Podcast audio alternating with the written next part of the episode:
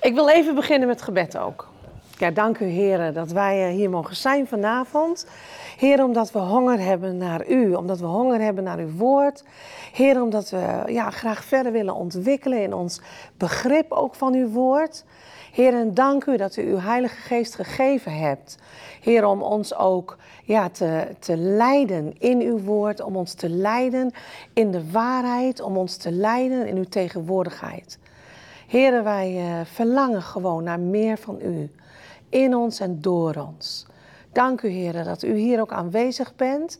En ik bid gewoon dat u ons vanavond openbaring geeft uit uw woord. Heer, dat u ons gewoon erbij helpt om uh, ja, dichter aan uw hart te komen. Dat bid ik in Jezus' naam. Amen.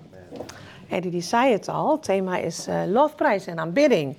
En hij heeft mij gevraagd of ik daar uh, vanavond iets over zou uh, kunnen zeggen, omdat dat iets is wat ik, ja, wat, wat ik gewoon ook een beetje ja, heel fijn vind. Lofprijs en aanbidding, dat is echt iets wat ik ook zie als een deel van mijn, van mijn roeping. Ik heb in, in de gemeente in Noordton ook het, het hele lofprijs mogen, mogen opbouwen. En dat is gewoon, ja, als ik zondags aanbidding leid, dan heb je soms, niet altijd, soms is het ook gewoon keihard werken, maar soms dan heb je ook het gevoel dat je denkt van, nou heer, hiervoor ben ik gewoon geboren. Om te zingen, om uw naam groot te maken en de gemeente daarin mee te nemen. Goed, Um, ik heb um, hier van deze delen van deze studie ook al eens een paar jaar geleden op een zondag bij jullie in de dienst gedaan. Ik weet niet of iemand daarbij was. Uh, is wel een paar jaar geleden al. Ja, mooi. Mooi, cool. Ja, en um, ik wil een paar van die gedeeltes, maar dan kunnen jullie mij mooi helpen uh, straks. Dus dat is, uh, dat is van voordeel. Ik wil een paar van die gedeelten gewoon nog eens bekijken. Want weet je, Gods woord is levend en krachtig. Dat betekent, je kunt één vers twintig keer lezen en twintig keer laat de Heer je een ander aspect van zien. En dat is voor mij zo geweldig aan de Bijbel. Nou, even. Uh, Jezus ontmoette die vrouw, die Samaritaanse vrouw bij de bron. En uh, toen vroeg ze hem ook van, moet u niet uh, aanbidden uh, op de berg? En toen zegt Jezus tegen haar, er komt een dag dat de ware aanbidders, hoe zullen aanbidden? In geest en waarheid. Precies, in geest en in waarheid. En um, waarheid is natuurlijk dat, dat wat je zegt tegen de Heer of zingt tegen de Heer, dat je dat ook echt meent. En in geest betekent eigenlijk onder de leiding van de Heilige Geest. Soms denken mensen wel, aanbidden in geest betekent bijvoorbeeld aanbidden in tongentaal. Hebben jullie misschien ook wel eens gehoord dat er mensen zijn die dat denken. Maar als je het hebt over de geest, wat staat er tegenover de geest? Precies, het vlees. En we kunnen de dingen naar het vlees doen, zegt de Bijbel. Dus dat betekent naar de mens, naar onze eigen uh, mogelijkheden en onze eigen gedachten. Of we kunnen het naar de geest doen, of in de geest doen. In het vlees of in de geest. Dus aanbidden in de geest betekent ook niet aanbidden zoals ik dat precies vind, maar dat ik open ben dat de Heer mij leidt door zijn geest, in de geest.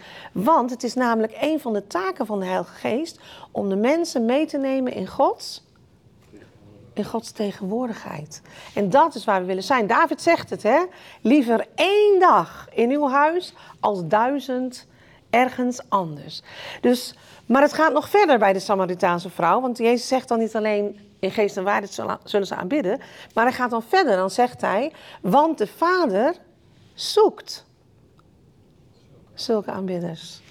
Dus de Heer zoekt ook aanbidding. En vanavond wil ik met jullie gaan kijken waarom. Want we weten toch dat er engelen in de hemel zijn die 24 uur per dag zingen: Heilig, heilig, heilig. Dus aanbidding krijgt hij, maar hij zoekt het van ons. En dat is met een hele bepaalde reden. En een van die redenen is bijvoorbeeld dat de Heer dingen gaat doen in lofprijs de mensen die er toen bij waren, die kunnen vast helpen met een paar dingen. De, voorbeelden uit de Bijbel waar God lofprijs gebruikt om bepaalde dingen te doen. Jericho hoor ik, precies. Jericho, waar hij zei, hè, ze moesten zeven keer om de muren.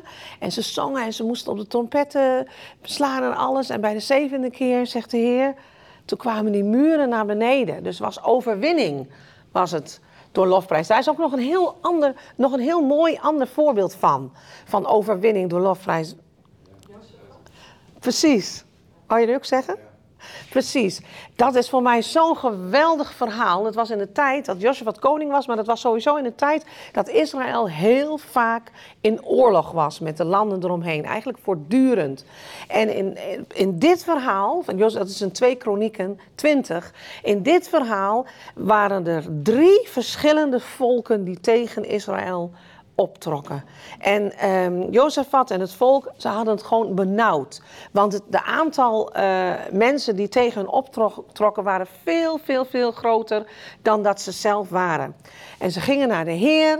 En uh, op de ochtend dat de, deze strijd zou plaatsvinden, toen zei Jozefat opeens van laat de, levieten, laat de, muziekinstrumenten en de zangers voorop gaan. Nou, ik ben dus deel van lofprijsteam, Jan Heijn ook, Jan ook. Als Nederland in oorlog zou zijn met Duitsland, zeg maar. En uh, er staat het hele leger met de tanks en met weet niet wat allemaal. En dan zeggen ze: Jullie mogen met je gitaar als eerste gaan. Nou, ik weet niet hoe jij je zou voelen, maar ik zou willen dat er een mitrailleur of zo in zat in die gitaar. Maar in ieder geval, dat werd wel zo gezegd en werd zo gedaan. Dus, dus uh, ze, gingen, ze hebben zich voor de Heer verootmoedigd en de Heer heeft ook gezegd dat hij met hen zou gaan. Dus ze gingen voorop en ze hadden een bepaald lied wat ze zongen. Nou, ik weet niet of jullie weten, maar met een lied doe je in de oorlog niet zo heel veel. Maar het staat er zo mooi in, uh, in uh, 2 Kronieken 20, vers 18. Dat staat er in hun gehoorzaamheid, zodra zij jubelend hun lofzang aanhieven. Dus op dat moment dat ze begonnen met lofprijs en aanbidding, zorgde de Heer ervoor pardon, dat de Ammonieten en Moabieten en de bewoners van het Seirgebergte, die Juda wilden aanvallen, dus die drie uh, groepen, vanuit verdekte stellingen werden belaagd. En zo werden ze verslagen. De Ammonieten en Moabieten raakten slaags met de bewoners van het Seirgebergte. Dus die drie groepen kregen het met elkaar aan de stok. Welk vers was het, sorry? Vanaf vers 18 tot 24. 2 Kronieken 20. Sommige mensen zijn wat langzamer dan de anderen. En nou heb ik de microfoon, hè? Nee. Hij maakt altijd grapjes over mij, dan mag ik ook wel eens een over hem maken. Heb je het gevonden, Eddie? Ik ben...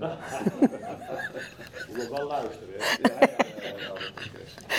Oké, en dan staat er uh, dus uh, de, de Ammonieten en Moabieten raakten slaags met de bewoners van het Seirgebergte en doden hen tot de laatste man. En nadat ze met de bewoners van Seir hadden afgerekend, stortten ze zich op elkaar. Nou, dat is toch gewoon wel een heel vreemd verhaal, of niet?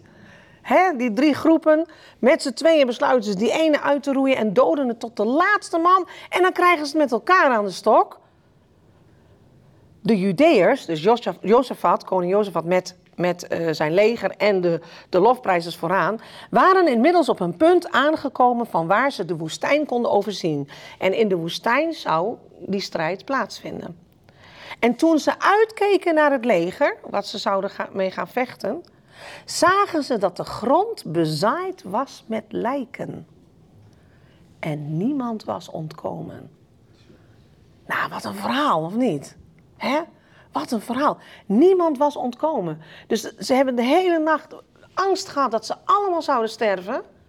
En ze komen aan op het punt waar de slag. En de Heer is, is voor hen uitgegaan. Lofprijs hadden ze voorop. Dus ook zo'n verschrikkelijk mooi verhaal van overwinning, ook door lofprijs. In Psalm 47, vers 6 staat ook iets interessants. Daar staat namelijk: onder gejuich steeg God omhoog. De Heer steeg op bij hoorngeschal. Dus bijna ook alsof lofprijs een sleutel is dat God opstijgt, dat hij iets gaat doen, dat hij gaat handelen. Dat zagen we bij Jericho, maar dat zagen we nu ook in, bij, uh, bij koning Jozefat. Overwinning. Wat nog meer door lofprijs in de Bijbel? Nog meer dingen. Overwinning, God wordt actief tegenwoordigheid van God. Ja? Ja, en er is ook nog een psalm hè, wat die zegt van dat God troont op de lofgezangen van zijn volk. Hè? Eh, psalm 22 is dat. U bent de heilige die op Israëls lofzangen troont. Hè, dat Gods tegenwoordigheid in ons midden komt. Ja, precies. Wat nog meer?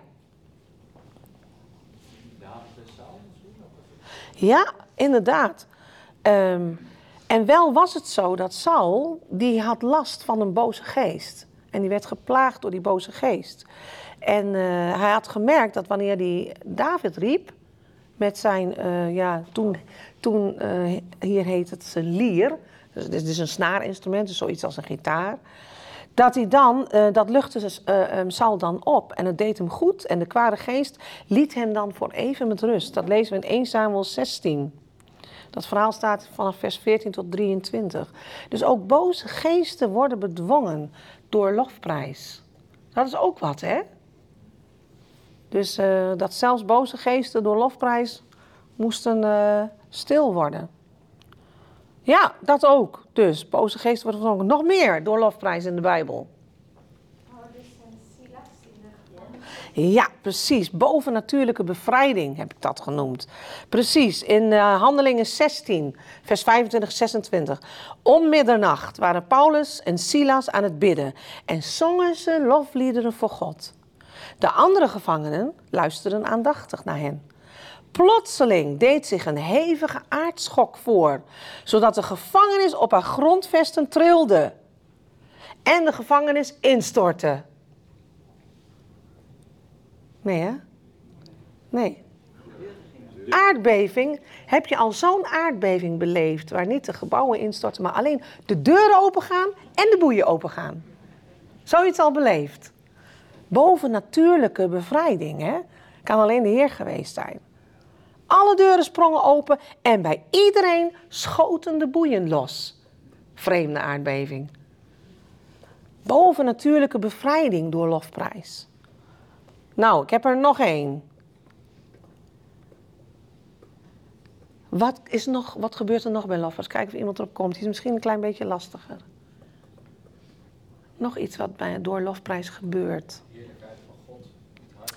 Ja, absoluut. Dat is uh, wat uh, zij net ook zei. Absoluut. Gods tegenwoordigheid. Zijn heerlijkheid vult het huis. Absoluut. Maar ik zoek nog een andere. Ik ga hem voorlezen. Um, in 2 Koningen 3, vers 13 tot 16, was er een koning van Israël die niet zo uh, op God gericht was. Of die niet zo, ja, wat staat er in de Bijbel soms? Hij was boos in de ogen van de, van de Heer. Of iemand die in ieder geval zijn eigen wegen ging. En die wilde een woord van God hebben. En die vroeg Elisa uh, om een woord. En toen had Elisa daar helemaal geen zin in. Dat lezen we dat verhaal. En hij zegt tegen de koning van Israël: Wat wilt u van mij? Gaat u maar naar de profeten van uw vader en moeder. Nee, zei koning Joram. Want het is de Heer die deze drie koningen bijeen heeft gebracht om ze aan Moab uit te leveren. Toen antwoordde Elisa, zo waar de Heer leeft, de Heer van de hemelse machten in wiens dienst ik sta. Het is dat ik zoveel achting heb voor koning Jozefat van Juda, anders zou ik u geen blik waardig keuren. Oké, maar goed, zegt Elisa dan, laat een lierspeler komen, dus een gitarist. En terwijl de muzikant op de lier speelde, werd Elisa gegrepen door de hand van de Heer en hij zei, dit zegt de Heer.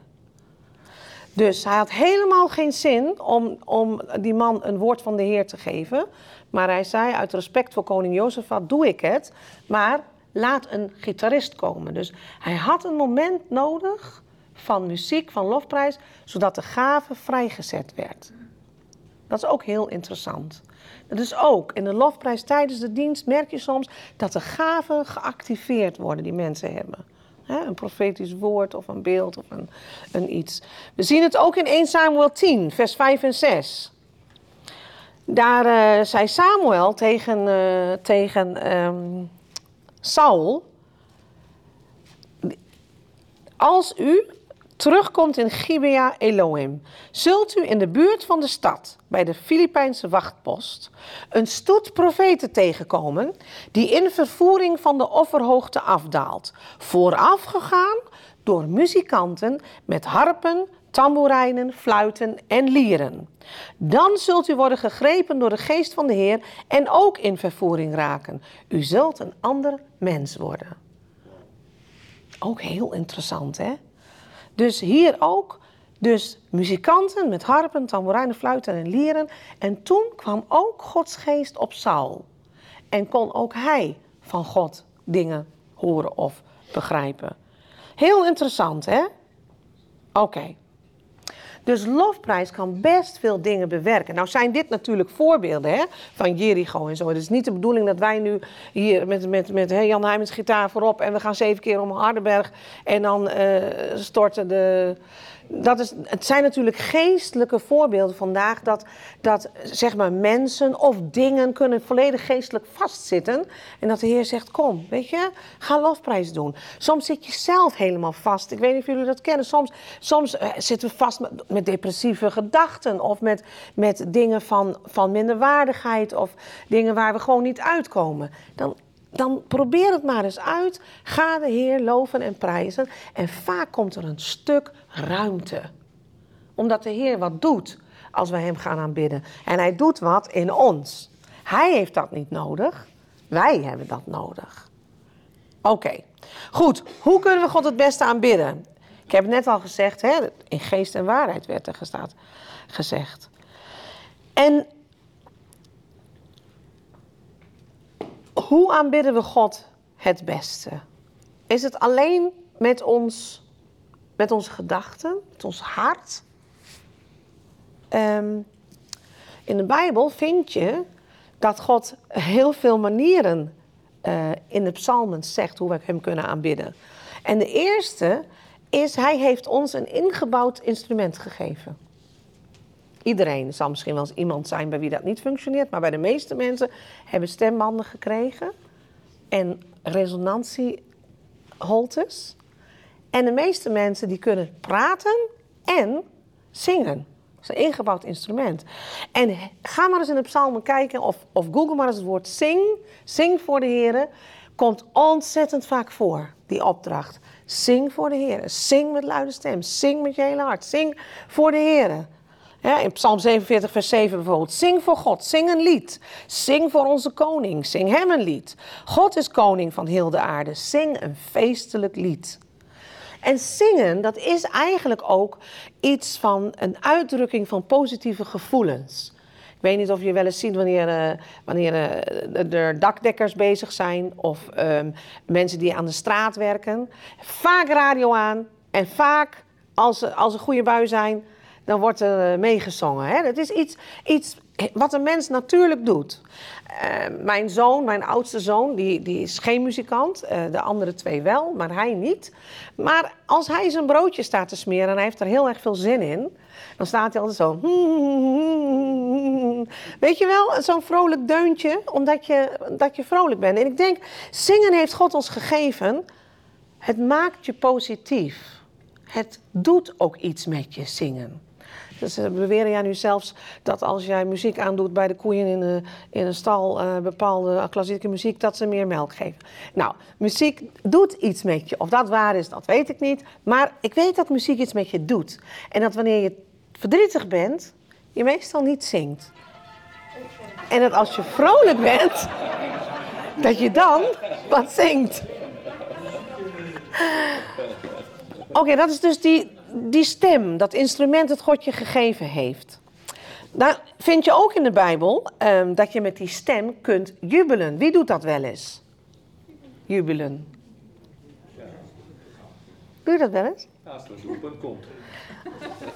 Bijvoorbeeld, wie doet het wel eens bij een, doelpunt? Doe, ach, bij een doelpunt? Joe, wie doet dat wel eens? Nee hoor.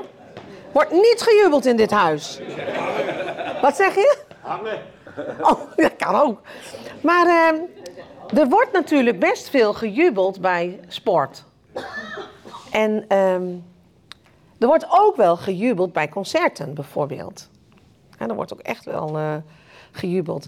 Maar als iemand in de kerk zou gaan jubelen bij de lofprijs, nou, dan staat iedereen wel kijkt iedereen wel om van, eh, what's going on? Doe maar normaal, dat doe je al gek genoeg, of niet?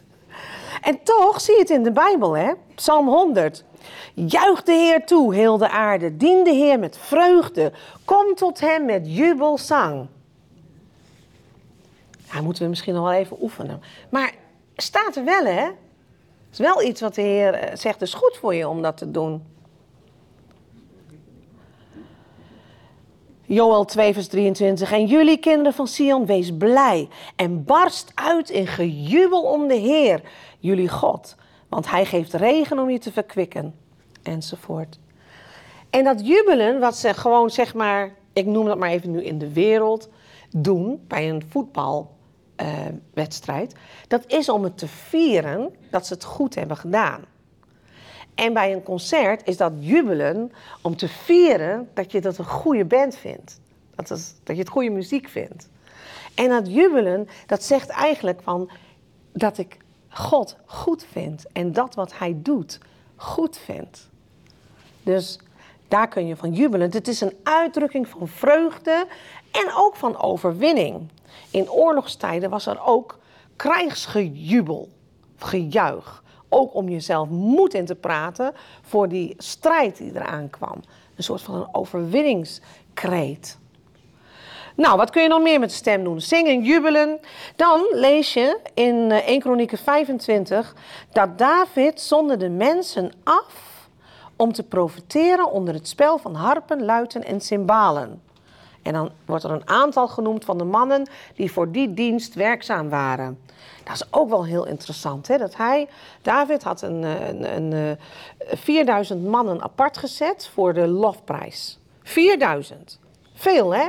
Voor de lofprijs in de tempel. En die had hij onderverdeeld in afdelingen. En een van die afdelingen was profiteren. Onder uh, het spel van harpen, luiten en cymbalen.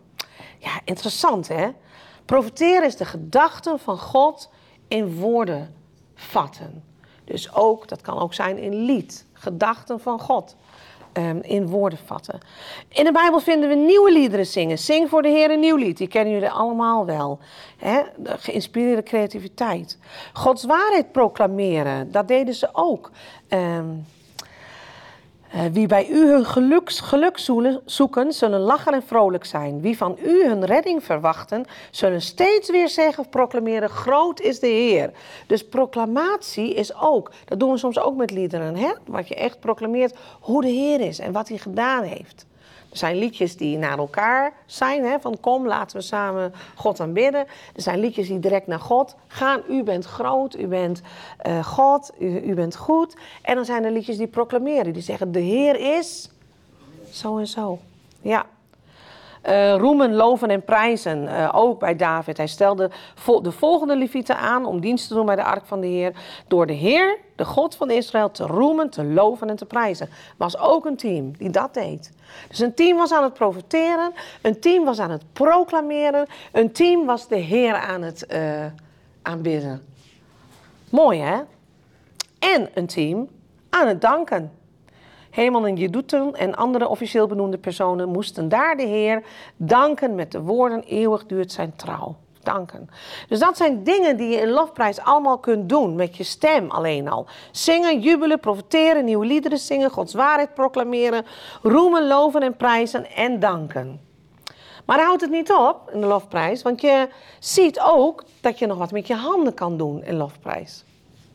Ik vind in de Bijbel drie dingen: klappen, en dat zijn dingen die doen, je, doen ze in de wereld ook. Als ze iets goeds vinden, dan klappen ze. Toch vinden wij het raar om voor God te klappen in de lofprijs, hè? Best wel, of niet? Niet iedereen? Dat je het dan juist niet doet. Wat de wereld moet jij juist niet doen. Dus dat is aan het bij mij altijd. Dat? Maar ja, het stond denk ik eerst in de Bijbel voordat de wereld het deed. Ja, dat is zo, maar zo zit het vaak denk ik nog wel in de gedachten. Ja, het, weet je, de wereld neemt heel vaak dingen over die God eigenlijk geïnitieerd heeft. En dan pikt de duivel ze in en zegt: Dit is nu voor de wereld en jullie blijven mooi in jullie hoofd en in jullie hart. en hebben niet die ontmoeting met de Heer op die manier zoals de Heer het eigenlijk bedoeld had. Ik heb dat heel erg moeten leren. Ik was heel, heel verlegen ook in lofprijs. En toen ik dat, dit allemaal voor de eerste keer in de Bijbel zag, voelde ik me enorm uitgedaagd. Vond, ik vond het echt, ik dacht van, eh, jubelen mensen nog. Weet je wel, dat, dat zag ik helemaal niet zitten. En ik was een keer, uh, waren op een bijbelschool. En uh, een hele normale bijbelschool, helemaal geen super charismatische uh, dingen, helemaal niet. Maar er was toen in de lofprijs dat een van die leiders zei...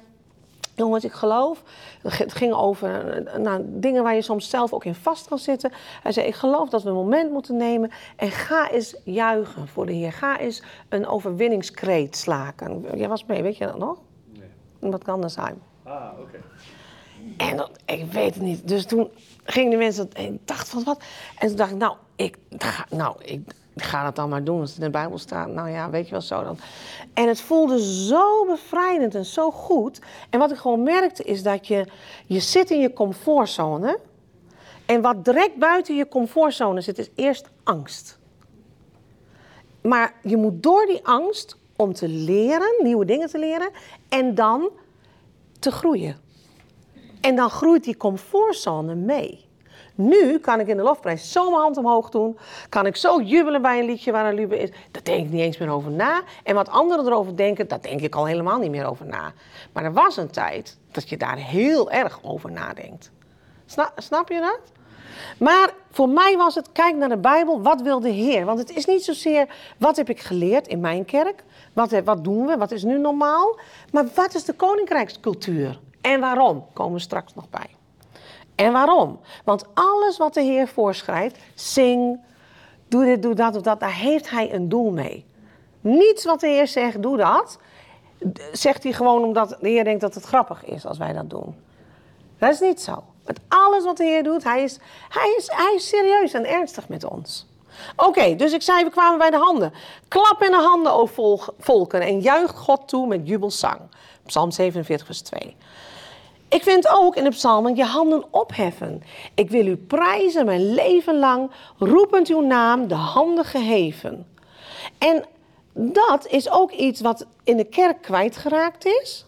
Niet in alle kerken, maar heel veel kerken kwijtgeraakt is. De handen opheffen. Maar wat ze bij concerten en zo nog wel doen, hè? Jullie zijn goed. Het is iets van huldigen. Het is iets van zeggen, jij, bent, jij kan het beter dan ik. En dat is natuurlijk eigenlijk wat je met dat uitheffende God zegt. Ik wil u prijzen. Met de handen geven. Want met prijzen zeg ik, Heer, u bent goed. U bent groot. U bent almachtig. U bent degene die alles kan. Dat is in Psalm 63 bijvoorbeeld. Maar je vindt dat natuurlijk vaker in de Bijbel. Hè? Handen uitstrekken in Psalm 143. Ik strek mijn handen naar u uit. Mijn ziel smacht naar u als droge aarde. Handen uitstrekken is om te ontvangen, om uit te beelden, ik dorst naar u, Heer. Ik vraag om, ik smeek u. Psalm 143, vers 6. Dus dat zijn bijvoorbeeld drie dingen. Je handen opheffen, zeggen u bent groot, u bent goed. Je handen uitstrekken, Heer, ik wil van u ontvangen. Of klappen, een applaus, iets goeds vinden, vreugde, enthousiasme. En dan gaan we verder met ons lichaam. Opstaan, vond ik in de Bijbel. In 2 Kronieken 5 vers 12 bijvoorbeeld. Stonden al de Levitische zangers. Ze stonden. En weet je, ook wij kennen dat in de maatschappij. Dat opstaan een eerbetoon is. De rechter komt binnen. En je staat op. De bruid komt binnen. Je staat op. Rutten komt binnen. Je staat op. Het is gewoon... Ik ga zitten, ja. Maar het gaat om een eerbetoon als er een, een hoge official ergens komt. Iemand die hoger gepositioneerd is dan jij. Nou, en zo is dat. Wij vragen ook altijd zondags van mensen: ga maar staan. Als je het niet wil, mag je blijven zitten. Maar ga staan. En uh, nou ja, wij doen dat zeg maar ook met, met. We gaan voor, als we gaan bidden, gaan we voor de Heer staan. Weet je, je kunt ook zitten, je kunt ook je handen in je zakken doen. Maar als jij echt de Heer wil ontmoeten, ja, dan haal je de Heer ook voor ogen. En dan is dat een God vol majesteit en luister en pracht. Eentje die, ja, waar we groot respect voor hebben, die veel hoger staat dan wij. Opstaan zie je daar. Dat is eerbied, ontzag, respect. Knielen vind je in de Bijbel, buigen. Toen viel de man op zijn knieën en boog zich neer voor de Heer. En knielen, dat kennen wij ook in de maatschappij voor een koning. Het is misschien niet meer zo van vandaag, maar we kennen dat wel. Het is een, een, een, een erkenning van iemands soevereiniteit. Dan vind je nog in Genesis 17, toen wierp Abraham zich op zijn gezicht voor God. En God sprak tot hem. En dat ken je misschien nog wel in de katholieke kerk, is dat er nog bijvoorbeeld. Dat een priester zich op zijn aangezicht uh, op de grond neerlegt. Dat vind je daar nog. Maar dat is verder verloren gegaan. In, uh, en dat is natuurlijk de uiterste, ja, um, hoe noem je dat nou, Eddie? Demutigung voor de heren. Uh, Veroont, precies, de, de, ja, de, uiterste verootmoediging voor de Heer. Om, om je op je aangezicht voor de Heer te werpen. En dan het laatste wat je nog vindt met je lichaam. Opstaan had ik, kniel, knielen, buigen, je voor je God op je aangezicht werpen. Dansen. In Jeremia 31, vers 4. Opnieuw zult gij u tooien met tamboerijnen en uittrekken in vrolijke rijdans. Ik breng je weer tot bloei. Je zult weer dansen in de rij en de tamboerijnen laten klinken. Psalm 150, vers, 4. Loof hem met dans en tamboerijn. Psalm 139, vers 3. Laten zij dansend zijn naam loven. Bij lier en tamboerijn voor hem zingen. En dansen is natuurlijk iets vieren, hè? Is iets vieren. Natuurlijk niet het dansen zoals ze vandaag in de club doen. Ja, daar vieren ze misschien ook wat, maar dat is absoluut niet wat wij willen vieren. Maar je kent het nog wel op bruiloften, weet je wel, of je viert iets. Maar dansen is ook zoiets, dat is van de kerk afgepakt en tot iets werelds gemaakt. Terwijl God het van zijn volk vroeg. Om ook te kunnen vieren, want anders wordt het leven soms ook wel heel erg droog. Nou gaat het natuurlijk niet over de soorten dansen die er vandaag zijn, uh, waar je als christen niks mee te maken hebt. Het gaat om netjes, uh, onschuldig, gewoon tap your feet, whatever. however you're comfortable. Iedereen op zijn manier. Maar gewoon een, een vreugdeuiting uh, voor de Heer. In een Duitse Bijbel staat uh. En dat is een heel raar woord. Maar dat is zoiets van als uh, de koeien na de winter voor het eerst in de wei gelaten worden. Hè, of, dan maken ze van die rare sprokken. En dat is eigenlijk vrolijken. Dus um, ja, een, een vreugdedansje of een overwinningsdansje. Oké. Wat is het doel daarvan? Van deze aanbidding? Waarom zouden we dat allemaal doen? Zingen vinden we nog prima. Gitaar spelen vinden we ook nog prima. Dat gaat allemaal. Maar waarom zouden we de Heer op die manier zo uitbundig en met klappen of handen heeft aanbidden? Nou, de Vader zoekt mensen die hem aanbidden, omdat er in aanbidding een uitwisseling plaatsvindt. Het is namelijk zo dat wij mensen van nature onze ogen hier hebben. Daarom dat de Bijbel ook zegt: komt zijn poort binnen met een loflied en dan heffen zijn voorhoven een lofzang aan. En je kwam natuurlijk in de tempel. Er was God tegenwoordigheid was in het heilige der heiligen. Maar je moest door die poorten en dan moest je door de voorhof. En het is, je komt met een loflied, ga je je ogen van hier naar boven richten. Ga je je herinneren dat God boven de omstandigheden staat en ook boven jouw omstandigheden. Ga je een perspectief proberen of, of ga je je openen ervoor dat God jou zijn perspectief laat zien. En die is van boven op onze problemen. Terwijl wij kijken vaak van onder naar onze problemen. Ons voelen ons helemaal overweldigd door omstandigheden. Er is een uitwisseling die plaatsvindt tussen het natuurlijke. En wij zijn vaak in het natuurlijke en het bovennatuurlijke. Maar de Heer wil wel dat wij op natuurlijke manier bovennatuurlijk leven. Anders is onze dienst voor de Heer en ons leven met de Heer een, ja, een, ehm, een hoofdzaak. En niet een hartzaak. Snappen jullie wat ik bedoel? En dan, dan, dan, dan zijn het allemaal hele mooie principes, maar die mijn hart niet raken. En dat is natuurlijk niet de bedoeling, want God wil dat we in zijn kracht leven. Maar om in zijn kracht te kunnen leven en in zijn kracht te kunnen preken of te kunnen getuigen, moeten wij ons natuurlijk wel ook eerst openen voor zijn kracht. En dus is lofprijs geen lippendienst of iets wat je alleen met je geest doet, maar dat is iets waar je de Heer, jouw lichaam ook als redelijk eh, wie heet, hoe heet dat in het Nederlands? Als redelijk, oh, ja, die, die bedoel ik. Romeinen 12.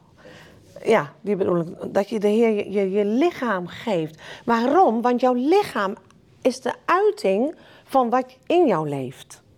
Als jij depressief bent, dan hangen je schouders en dan is je hoofd geneigd en je ogen stralen niet, bijvoorbeeld. Er hoeft niemand jou te zeggen, voel je depressief? Oh, dan moet je even je schouders laten hangen. Dan moet je, moet je nee, dat, dat, is, dat is gewoon een uiting van.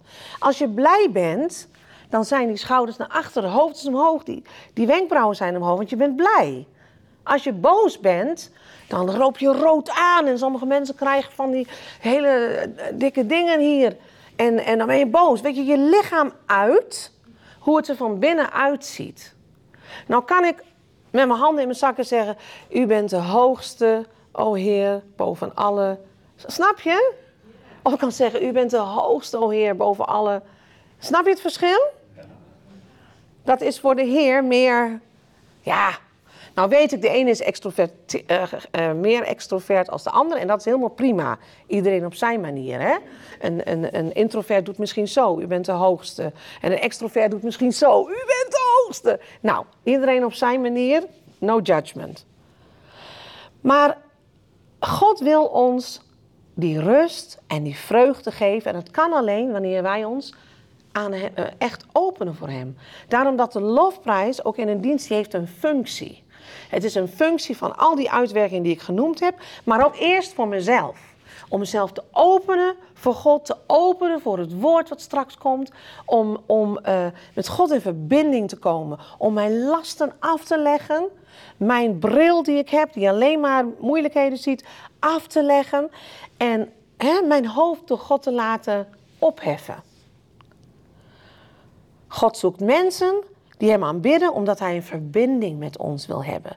Naar geest, ziel en lichaam. Een uitlaat voor onze ziel. En het doel van onze aanbidding is dan, wat we net ook al gehoord hebben, daar en daar. In 2 Kronieken 7, vers 1 en 3. Toen uh, de tempel die David zo graag had willen bouwen, maar niet mocht bouwen. Toen zijn zoon die gebouwd had en toen die klaar was, die tempel. Maar de Heer was er nog niet in.